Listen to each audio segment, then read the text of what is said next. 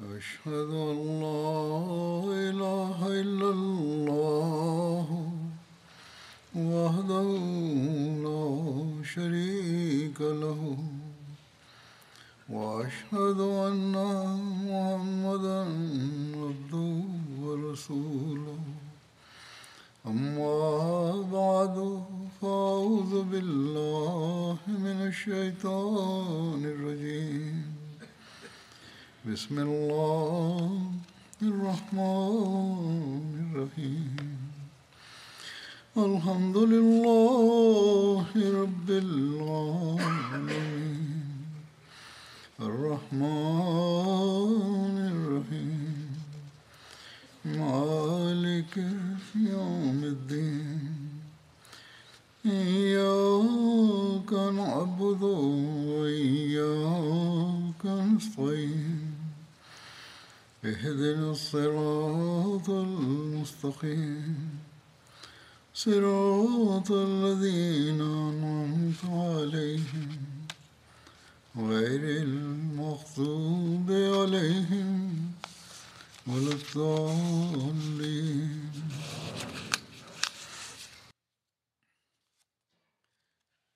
اليوم أيضا سأذكر من خلال السيرة النبوية الشريفة بعض الأحداث التي وقعت بعد بدر مباشرة.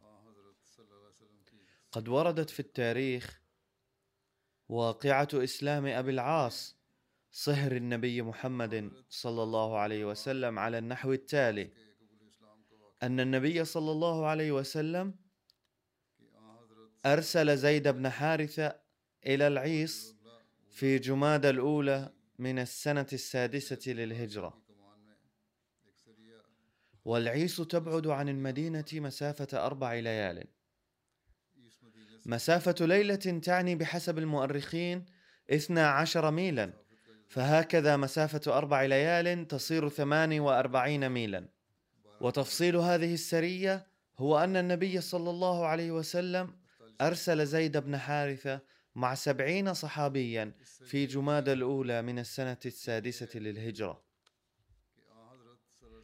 وورد عن سبب إرسال هذه السرية أن رسول الله صلى الله عليه وسلم علم أن عيرا لقريش قد أقبلت من الشام فبعث هذه البعثة. وكان الهدف لهذه العير أن يستخدم ربح هذه التجارة للهجوم على المسلمين ولشن الحرب ضدهم. فأخذوها وما فيها.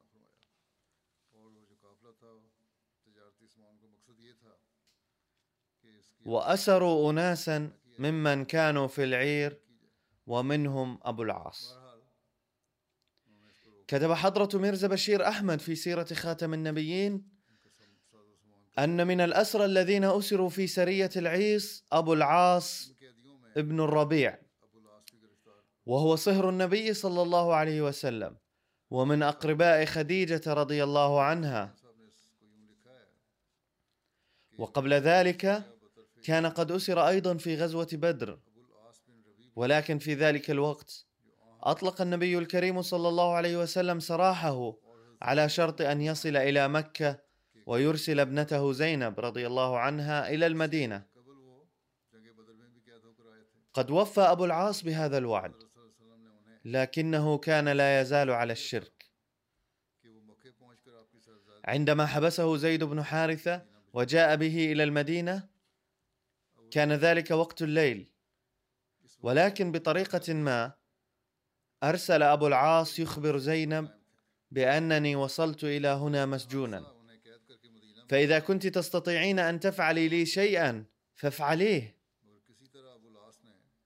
بينما كان النبي صلى الله عليه وسلم وأصحابه يصلون صلاة الفجر نادت زينب من داخل البيت بصوت عال وقالت يا أيها المسلمون قد آويت أبا العاص.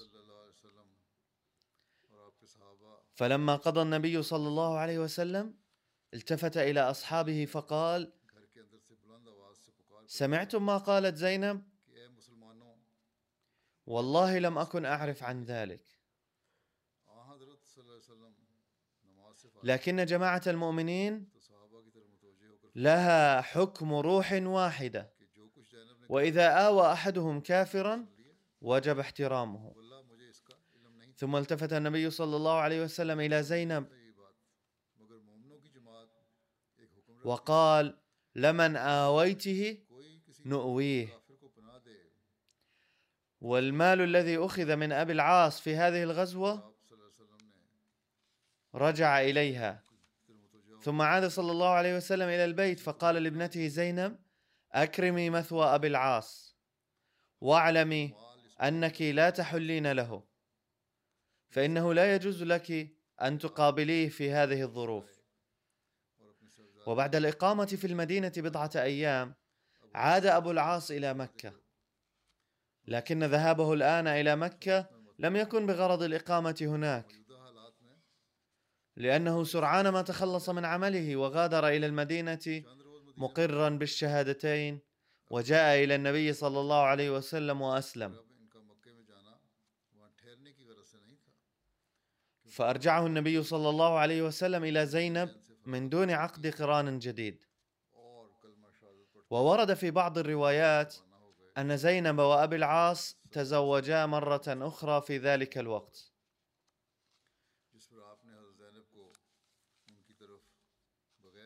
ولكن الحديث الأول أقوى وأصح أنه لم يكن هناك حاجة لعقد القران. وهذا يدل على أنه إذا انفصلت المرأة عن زوجها بسبب كفره فلا داعي لعقد القران مرة أخرى إذا أسلم الزوج. ولم تعش زينب طويلا بعد إسلام زوجها. وتوفيت سنة ثمانية للهجرة. فغسلتها أم أيمن وسودة وأم سلمة وأم عطية وفق تعليمات النبي صلى الله عليه وسلم. عن أم عطية قالت لما ماتت زينب بنت رسول الله صلى الله عليه وسلم قال لنا رسول الله صلى الله عليه وسلم اغسلنها وترا ثلاثا أو خمسا ایسے روایت ہے واجعلن في الخامسة كافورا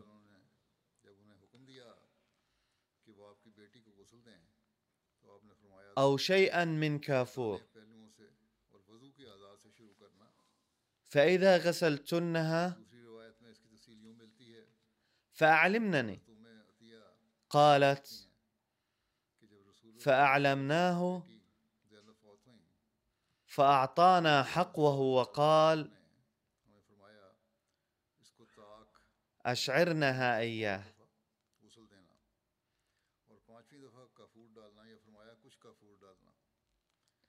الحقو قماش يربط على الخصر ويلتصق بالجسم. ثم صلى النبي صلى الله عليه وسلم عليها ودفنها.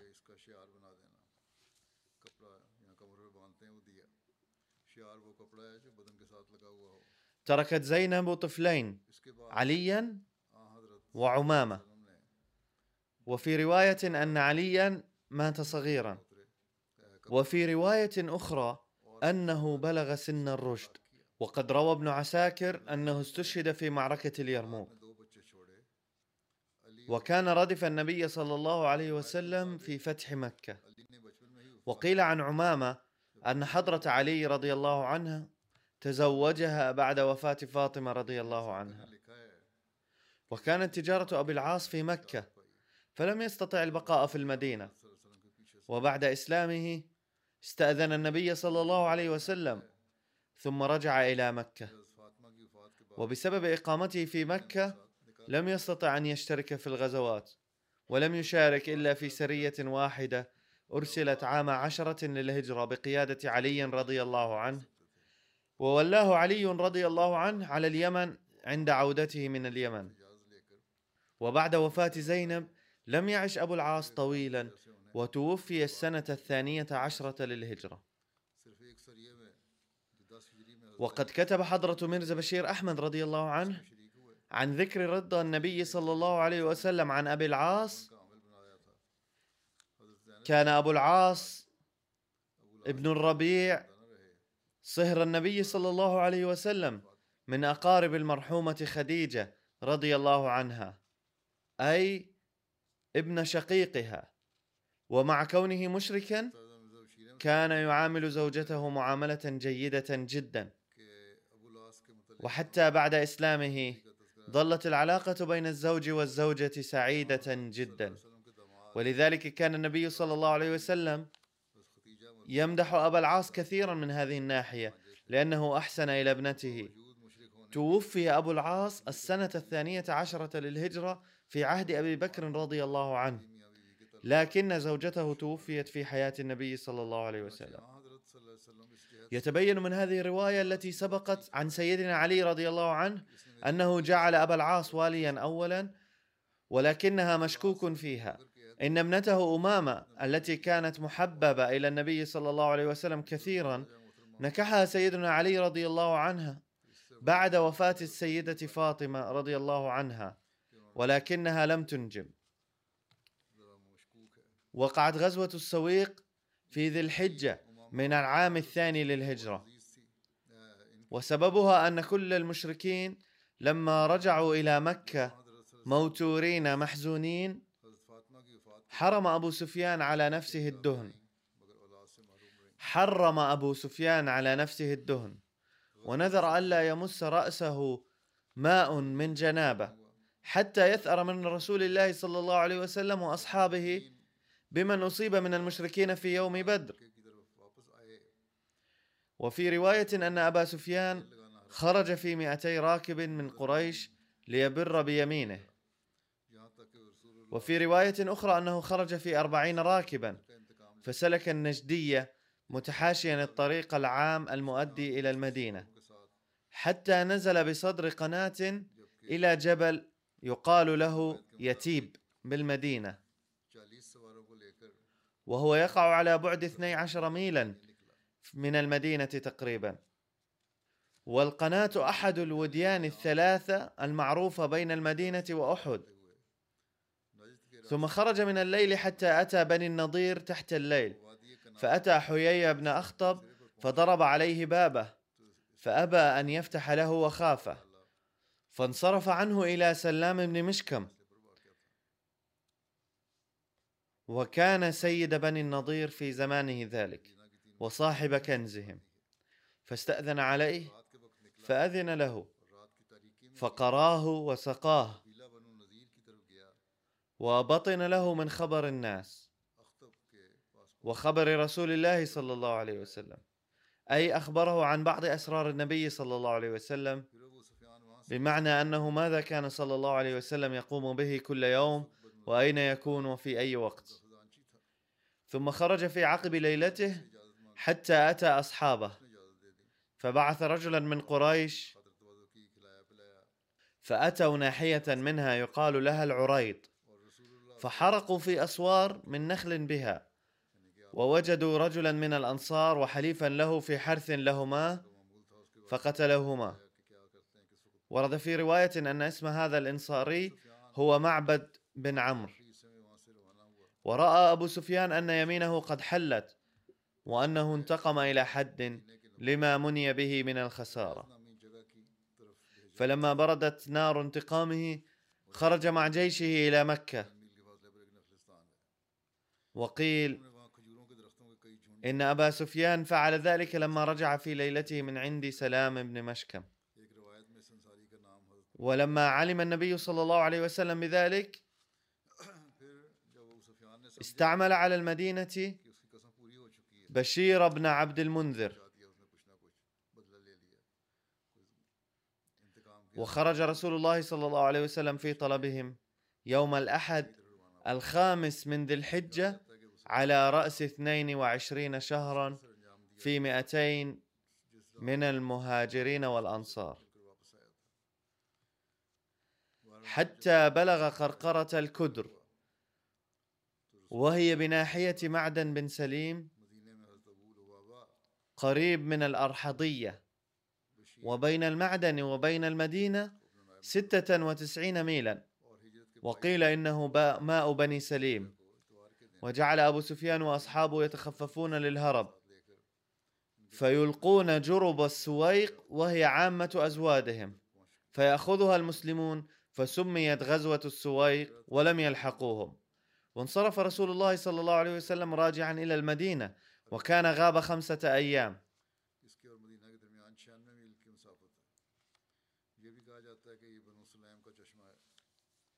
وقال المسلمون لرسول الله صلى الله عليه وسلم حين رجع بهم يا رسول الله أتطمع أن تكون لنا غزوة؟ قال نعم. إذا هذه غزوة على أي حال سواء أنشبت الحرب أم لا. لقد ورد تفصيل ذلك في سيرة خاتم النبيين كما يلي. بعد غزوة بدر حلف أبو سفيان أنه لن يتقرب من زوجته ما لم ينتقم للمقتولين ولن يدهن شعره. فخرج من مكة بعد شهرين أو ثلاثة أشهر بعد بدر مع مئتي فارس مدججين بالسلاح. ووصل إلى المدينة مرورا بنجد. وأنزل جيشه على بعد قليل وخرج بنفسه في جنح الليل ووصل إلى بيت حيي بن أخطب سيد قبيلة بني النضير اليهودية واستعان به. ولكن لما كانت بعض ذكريات الميثاق حية في ذهنه فأنكر حيي بن أخطب ذلك وقال بيننا ميثاق فلا أستطيع أن أبوح به لك ولا أستطيع أن أستجيرك.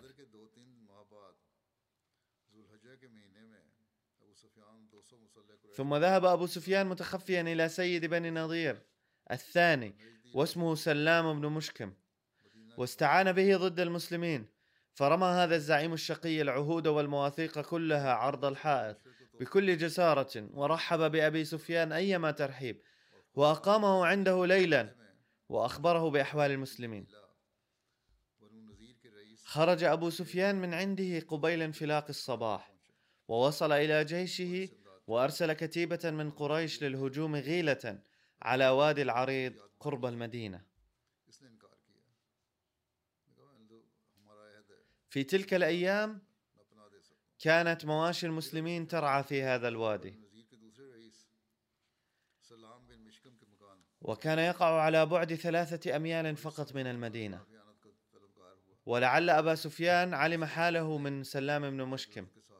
لما وصلت كتيبة قريش إلى هنالك كان حسن الحظ أن مواشي المسلمين ما كانت موجودة فيه. إلا أن مسلما من الأنصار مع صاحبه كان موجودا. فبطش بهما جيش قريش وقتلوهما ظلما. ثم أحرق قريش النخل والبيوت وعادوا إلى مسكن أبي سفيان. رأى أبو سفيان هذا النجاح تحققا لنذره وأمر الجيش بالعودة. ومن ناحية أخرى لما علم النبي صلى الله عليه وسلم بهجوم أبي سفيان خرج مع جماعة من الصحابة لملاحقته.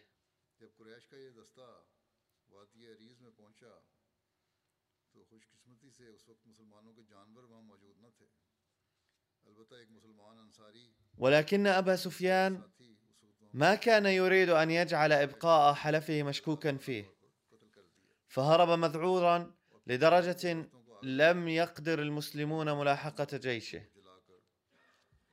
فرجع النبي صلى الله عليه وسلم بعد بضعة أيام. وقد كتب أيضا مؤلف سيرة خاتم النبيين. لقد سميت غزوة السويق بهذا الاسم لأنه عندما عاد أبو سفيان وأصحابه إلى الم... الم... إلى مكة لأنه عندما عاد أبو سفيان وأصحابه إلى مكة جعلوا يتخففون للهرب فيلقون في الطريق جرب السويق وهي عامة أزوادهم.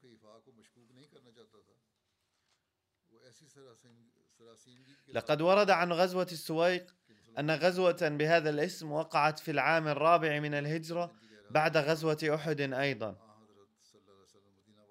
فقد ذكرت غزوتان باسم غزوة السويق.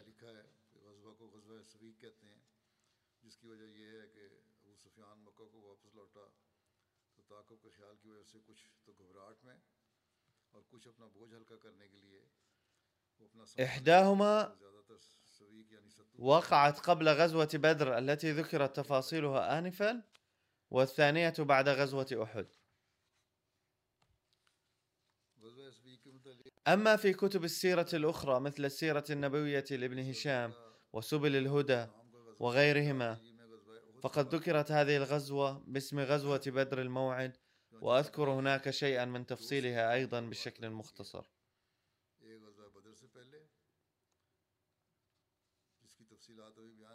لما أراد أبو سفيان الرجوع يوم أحد نادى وخاطب رسول الله صلى الله عليه وسلم قائلا بيننا وبينكم وعد بدر الصفراء بعد عام وسوف نتقاتل هناك. بدر الصفراء كان مكانا لاجتماع العرب وسوقهم. فقال رسول الله صلى الله عليه وسلم لعمر رضي الله عنه أن يقول نعم إن شاء الله. فتفرق الناس على هذا الوعد.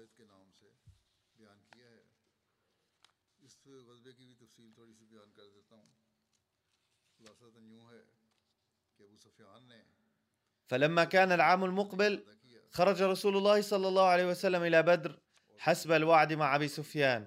ولما وصل إلى هناك أقام ثماني ليال ينتظر أبا سفيان. أما أبو سفيان فأقام مع أهل مكة في اور بضواحي ان کا بازار تھا یہ بدر الصفراء مر الظهران. رسول والمجنة أيضا مدينة في مر الظهران بالقرب من جبل الأصفر على بعد بضعة أميال من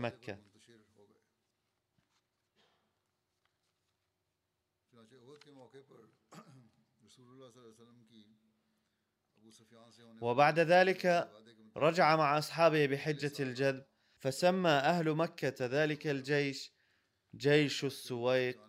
ويقولون خرجوا يشربون السويق.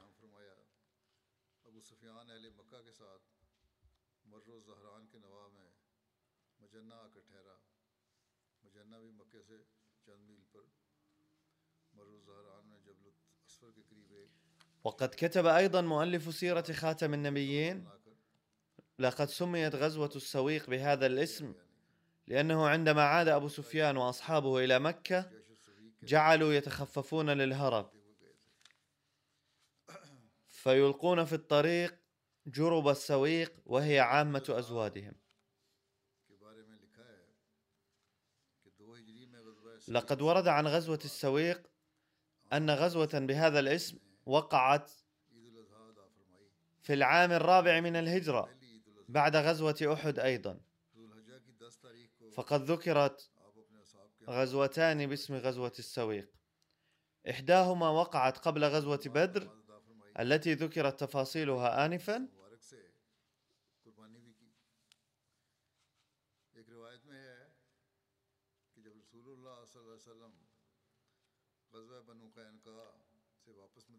والثانية بعد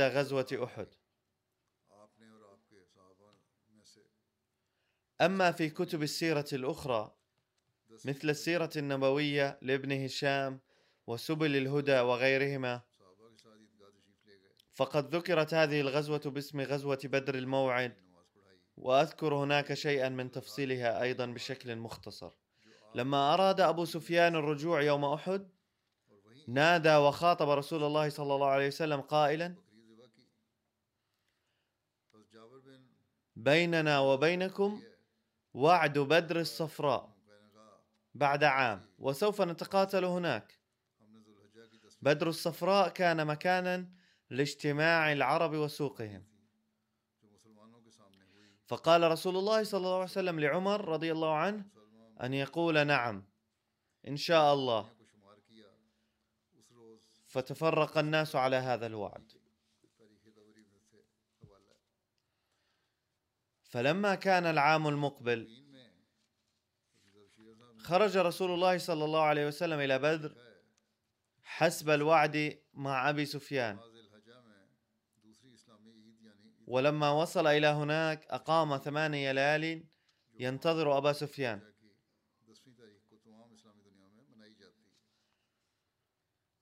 أما أبو سفيان فأقام مع أهل مكة في ہے بضواحي مر الظهران.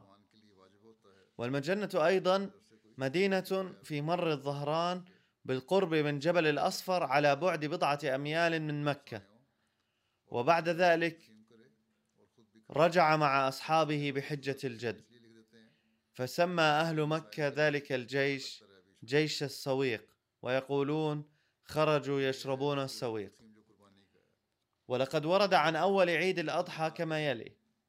في السنة الثانية للهجرة بعد عودته من غزوة السويق صلى النبي صلى الله عليه وسلم عيد الأضحى. وكان أول عيد أضحى للمسلمين. خرج النبي صلى الله عليه وسلم من المدينة مع أصحابه وفي العاشر من ذي الحجة وصلى العيد جماعة ونحر هناك بيده المباركة. وفي رواية حل عيد الأضحى لما رجع النبي صلى الله عليه وسلم من غزوة بني قينقاع إلى المدينة. ضحى رسول الله صلى الله عليه وسلم ومن استطاع من أصحابه في يوم العاشر من ذي الحجة. خرج صلى الله عليه وسلم بالناس إلى المصلى فصلى أول عيد الأضحى. وكانت هي أول صلاة عيد أضحى صلى رسول الله صلى الله عليه وسلم بالناس في المدينة. ثم ذبح بالمصلى بيده المباركة شاتين وقيل ذبح شاة واحدة. عن جابر بن عبد الله يقول لما رجعنا من بني قينقاع ضحينا في ذي الحجة صبيحة عشر وكان أول أضحى رآه المسلمون. وذبحنا في بني سلمة فعددت في بني سلمة سبع عشرة أضحية. هذا المقتبس من تاريخ الطبري. أما في سيرة خاتم النبيين فقد كتب مرزا بشير أحمد بهذا الخصوص ما يلي. في شهر ذي الحجة من العام نفسه شرع العيد الإسلامي الثاني أي عيد الأضحى. والذي يحتفل به في اليوم العاشر من شهر ذي الحجة في جميع أنحاء العالم الإسلامي. وفي هذا العيد 400 الذي هو العيد الحقيقي لكل مسلم صادق يجب على كل مسلم إضافة إلى أداء الصلاة أن يذبح حيوانا ويوزع لحمه على أحبابه وأقاربه وأصدقائه وجيرانه وغيرهم من الناس ويأكل منه أيضا. يكتب حضرة مرزا بشير أحمد بعض التفاصيل لمثل هذه الأمور حتى نتعلم خلال ذلك بعض المسائل الدينية الأساسية. وكان هذا الأمر الآن في الذكر يتعلق بتوزيع لحوم الأضاحي. على أي حال يضحى في سبيل الله يوم عيد الأضحى وبعده ليومين آخرين ملايين من الحيوانات في العالم الإسلامي بأكمله. وبهذه الطريقة يتم إحياء ذكرى تلك التضحية العظيمة بين المسلمين التي قدمها إبراهيم وإسماعيل والسيده هاجر عليهم السلام. والتي كانت حياة النبي الكريم صلى الله عليه وسلم أفضل مثال لها. ومن خلالها يتم تنبيه كل مسلم أن يكون على استعداد للتضحية في سبيل ربه ومولاه بحياته وماله وبكل ما له. يحتفل بهذا العيد أيضا مثل عيد الفطر. عند إتمام عبادة إسلامية عظيمة وهي الحج. لقد تم زواج فاطمة رضي الله عنها في العام الثاني الهجري. تقدم علي إلى النبي صلى الله عليه وسلم للزواج من فاطمة. فقبله النبي صلى الله عليه وسلم بكل سرور. عن أنس قال بعد ذلك خطب أبو بكر وعمر إلى النبي صلى الله عليه وسلم ابنته فسكت ولم يجب أحدهما.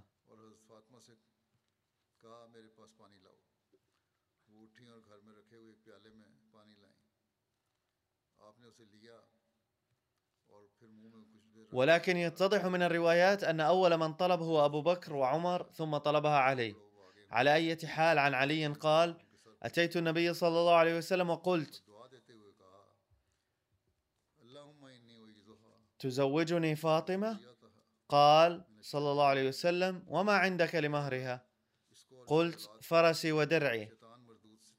قال أما فرسك فلا بد لك منه وأما درعك فبعها فبعتها بأربعمائة وثمانين درهما ودبرت مبلغا للمهر. ووفق إحدى الروايات باع علي درعه لعثمان رضي الله عنهما. فأدى له عثمان ثمنه ثم رد عليه درعه أيضا. يقول علي رضي الله عنه فأتيت النبي صلى الله عليه وسلم بتلك الدراهم فوضعتها في حجره فقبض منها قبضة فقال يا بلال أبغنا بها طيبا وأمر بعض الناس أن يجهزوها. فجعل لها سرير ووسادة من أدم حشوها ليف يمكن استخدام المهر على هذا النحو أيضا. يرى البعض أن الزواج قد تم فلا داعي الآن لأداء المهر. ولكن المثال الذي نلاحظه هنا هو أن نفقات الزواج قد تمت من المهر نفسه. وفي رواية قال النبي صلى الله عليه وسلم عند تزويج فاطمة بن علي إن الله تعالى أمرني به. وبعد أن ودع النبي صلى الله عليه وسلم فاطمة قال لعلي إذا أتتك فلا تحدث شيئا حتى آتيك. إذا أتتك فلا تحدث شيئا حتى آتيك. فجاءت فاطمة مع أم أيمن فقعدت في جانب البيت وأنا في جانب. فجاء النبي صلى الله عليه وسلم فقال أها هنا أخي؟ فقالت أم أيمن أخوك وقد زوجته ابنتك؟ فقال نعم. لأنه لم يكن علي أخا حقيقيا للنبي صلى الله عليه وسلم. وكان بالإمكان أن يتزوج مثل هذا الأخ من بنت أخيه غير الحقيقي. فدخل النبي صلى الله عليه وسلم وقال لفاطمة ائتيني بماء فقامت إلى قدح في البيت فجعلت فيه ماء فأتته به فأخذ منه بفيه فمج فيه ثم قال لها قومي فقامت وتقدمت نحوه فنضح عليها وعلى رأسها ثم قال داعيا لها اللهم إني أعيذها بك وذريتها من الشيطان الرجيم. ثم قال لها أدبري. فأدبرت فصب بين كتفيها ثم عمل العمل نفسه مع علي أيضا. ثم قال له ادخل بأهلك بسم الله والبركة.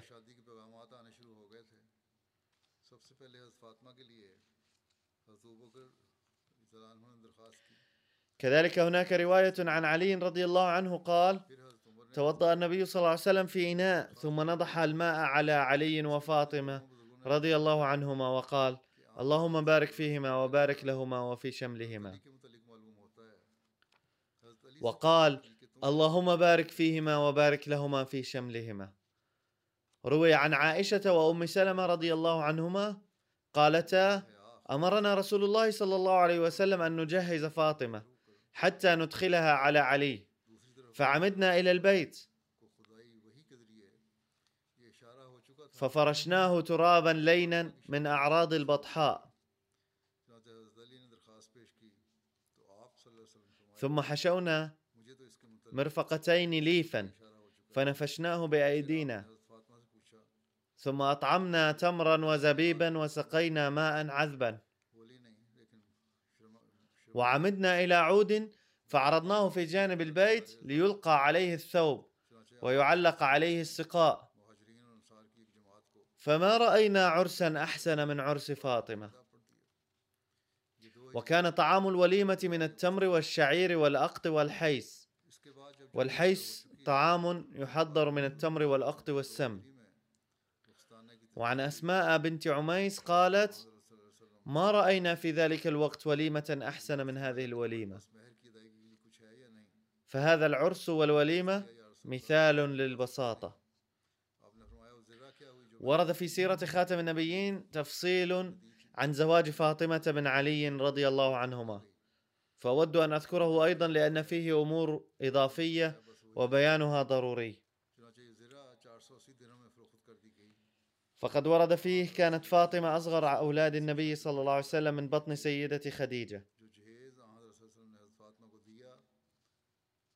وہ ایک وكان النبي صلى الله عليه وسلم يحب فاطمة أكثر من جميع تھا وكانت هي بسبب خصالها وصفاتها نے أهلا لهذا الحب المتميز. فكانت لها كفاءات. كان عمرها خمس عشرة سنة تقريبا. وبدأت تخطب. إذ خطبها أولا سيدنا أبو بكر رضي الله عنه. لكن رسول الله صلى الله عليه وسلم اعتذر. ثم خطبها سيدنا عمر رضي الله عنه فرفض طلبه أيضا. وبعد ذلك أحس كلا الصالحين أن رسول الله صلى الله عليه وسلم يريد أن يزوجها عليا. فحثاه على أن يطلب من النبي صلى الله عليه وسلم يد فاطمة رضي الله عنها. وعلي الذي كان غالبا يريد ذلك سلفا لكنه كان صامتا استحياء جاء إلى النبي صلى الله عليه وسلم فورا وقدم طلبه. وفي الطرف الآخر كان النبي صلى الله عليه وسلم قد تلقى إشارة في الوحي أن يزوج فاطمة عليا رضي الله عنهما. فلما قدم علي رضي الله عنه طلبه قال له النبي صلى الله عليه وسلم لقد تلقيت الإشارة إلى ذلك من الله عز وجل من قبل. ثم سأل النبي صلى الله عليه وسلم السيدة فاطمة فصمتت حياء وكان ذلك أسلوبا لإظهار الموافقة.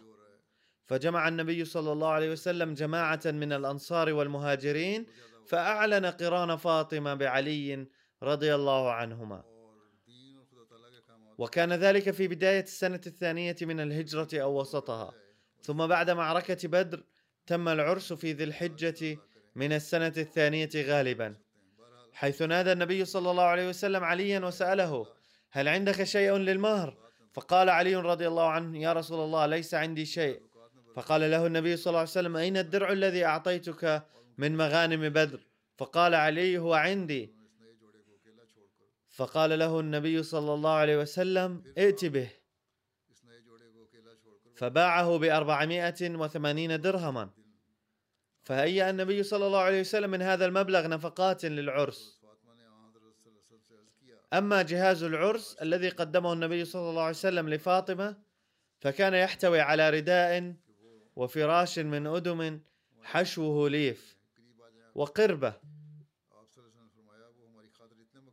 وفي رواية ذكرت الرحى أيضا. فلما تيسرت هذه الأشياء فكر في البيت. فكان علي رضي الله عنه على أغلب الظن يقيم إلى ذلك الوقت مع النبي صلى الله عليه وسلم في حجرة من المسجد. وبعد العرس كان من الضروري أن يكون له بيت يسكن فيه مع أهله. فقال النبي صلى الله عليه وسلم لعلي رضي الله عنه أن يبحث عن بيت يقيم فيه مع أهله.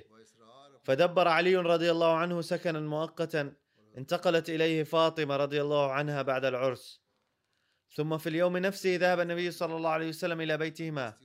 فطلب شيئا من الماء ودعا عليه ثم رشه على فاطمة وعلي قائلا اللهم بارك فيهما وبارك عليهما وبارك لهما نسلهما وقد ذكرت لكم ذلك سابقا. وهذا الدعاء يجب أن يردده والدا العروسين ففي العصر الحاضر تحدث المشاكل بين الزوجين بعد العرس وهي في تزايد مستمر.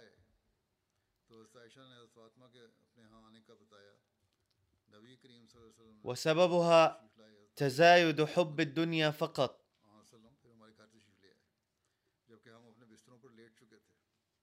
وقلة الاهتمام بالدين وأوامر الله سبحانه وتعالى.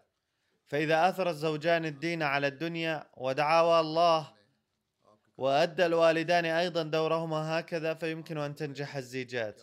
باختصار هذا الدعاء يعني يا إلهي بارك في العلاقات بينهما. وبارك في علاقاتهما مع الآخرين وبارك في نسلهما. ثم ترك الرسول صلى الله عليه وسلم العروسين وعاد إلى مبيته. بعد ذلك ذات يوم حين ذهب النبي صلى الله عليه وسلم إلى بيت فاطمة قالت له إن الحارثة بن النعمان الأنصاري له بيوت كثيرة فقل له أن يخلي لنا بيتا منها لننتقل إليه ونعيش قريبا منك. فقال لها قد أخلى من أجلنا بيوتا كثيرة من قبل وأستحيي من أن أطلب منه أكثر. فلما علم بذلك حارثة جاء إلى حضرته فورا وقال له إن كل ما لي لحضرتك. والله يا رسول الله إن ما تقبله مني يسرني أكثر مما يبقى عندي. ثم أصر ذلك الصحابي المخلص على أن يخلي أحد بيوته وقدمه للنبي صلى الله عليه وسلم. فانتقل إليه علي وفاطمة رضي الله عنهما. كان سيدنا علي وفاطمة رضي الله عنهما يتحليان بالزهد والقناعة رغم فقرهما وضيق يدهما. فقد ورد في الحديث عن علي أن فاطمة اشتكت ما تلقى من الرحى في يدها. وأتى النبي صلى الله عليه وسلم سبي فانطلقت إلى النبي صلى الله عليه وسلم فلم تجده. ولقيت عائشة فأخبرتها بقصدها. فلما جاء النبي صلى الله عليه وسلم أخبرته عائشة بمجيء فاطمة إليها. تقول فاطمة فجاء النبي صلى الله عليه وسلم إلينا وقد أخذنا مضاجعنا. فلما رأيته أردت أن أقوم ولكنه قال على مكانكما. فقعد بيننا حتى وجدت برد قدمه على صدري. فلما جلس قال ألا أعلمكما خيرا مما سألتما؟ إذا أخذتما مضاجعكما أن تكبر الله أربعا وثلاثين وتسبحاه ثلاثا وثلاثين وتحمداه ثلاثا وثلاثين فهو خير لكما من خادم.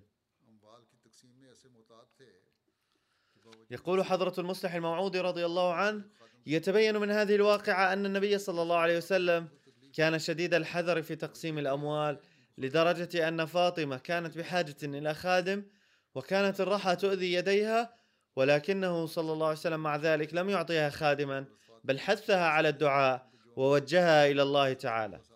كان بوسع النبي صلى الله عليه وسلم أن يعطيها خادما إن أراد لأن الأموال التي تأتيه كانت للتوزيع على الصحابة وكان لعلي رضي الله عنه فيها حق وكانت فاطمة رضي الله عنها أيضا تستحقها ولكنه كان حريصا على تلك الأموال ولم يرد أن يعطيها أقاربه وذويه. إذ كان من الممكن أن يستنتج الناس من ذلك استنتاجا خاطئا في المستقبل ويستبيح الملوك أموال الناس. ويستبيح الملوك أموال الناس. ولكن من سوء الحظ أن ملوك المسلمين في هذه الأيام يجيزون الاستيلاء على أموال الناس. فمن باب الحذر لم يعطي النبي صلى الله عليه وسلم أعيد. فمن باب الحذر لم يعطي النبي صلى الله عليه وسلم فاطمة رضي الله عنها أيا من الخدم والجواري اللواتي جيء بهن عنده للتوزيع على المسلمين. ولا يغيبن عن البال أن الأموال التي جعل الله تعالى فيها نصيبا للنبي صلى الله عليه وسلم لأقاربه كان ينفقها على نفسه ويعطيها أقاربه أيضا ولكنه ما كان يستخدم شيئا أبدا ما لم يحدد نصيبه فيها كما لم يكن يعطيه حتى لأقرب أقاربه أيضا. هل يمكن الإتيان بنظير ملك من ملوك العالم يحافظ على بيت المال إلى هذا القدر؟ إذا أمكن العثور على أي نظير له فإنما يوجد بين خدامه صلى الله عليه وسلم فقط ولا يمكن للأديان الأخرى أن تقدم نظيرا في هذا المجال أبدا والباقي فيما بعد إن شاء الله. أما الآن فأود أن أحثكم على الدعاء ثانية بالنظر إلى أوضاع العالم. لقد بدأ الآن بعض الذين يكتبون في الصحف في العالم الغربي بل في الولايات المتحدة الأمريكية نفسها ويقولون إن الانتقام له حدوده. ويجب على أمريكا وعلى بلاد الغرب أن تلعب دورها في الحرب الجارية بين حماس وإسرائيل. ويجب أن تسعى للصلح ووقف القتال. ويكتب هؤلاء الكتبة أيضا ولكن يبدو أن هؤلاء يأبون إلا إيقاد هذه الحرب بدلا من إيقافها. كذلك نشر أمس خبر بأن مسؤولا كبيرا في وزارة الخارجية الأمريكية قد استقال قائلا لقد طفح الكيل الآن. يصب على الفلسطينيين الأبرياء ظلم عظيم وعلى القوى الكبرى أن تنظر إلى ذلك. وهذا يعني أنه يوجد بين هؤلاء القوم أيضا أناس شرفاء.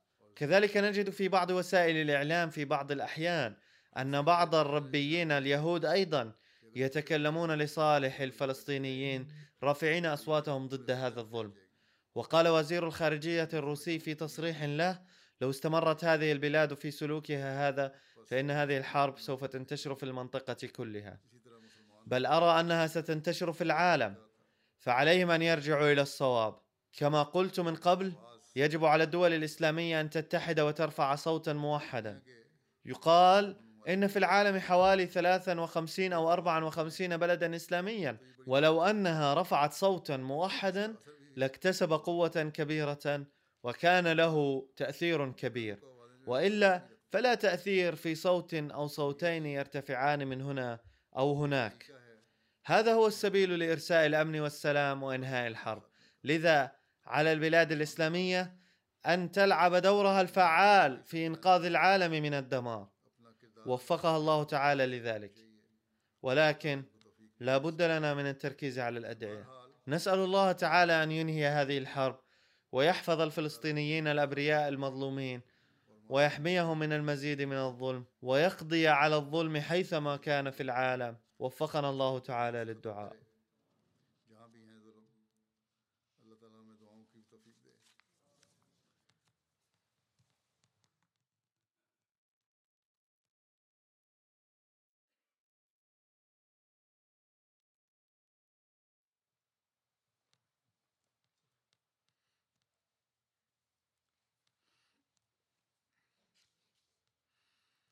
الحمد لله الحمد لله نحمده ونستعينه ونستغفره ونؤمن به ونتوكل عليه. ونعوذ بالله من شرور أنفسنا ومن سيئات أعمالنا. من يهده الله فلا مضل له ومن يضلل فلا هادي له. ونشهد أن لا إله إلا الله ونشهد أن محمدا عبده ورسوله. عباد الله رحمكم الله. إن الله يأمر بالعدل واللسان وإيتاء ذي القربى وينهى عن الفحشاء والمنكر والبغي يعظكم لعلكم تذكرون اذكروا الله يذكركم ودوه يستجب لكم ولذكر الله أكبر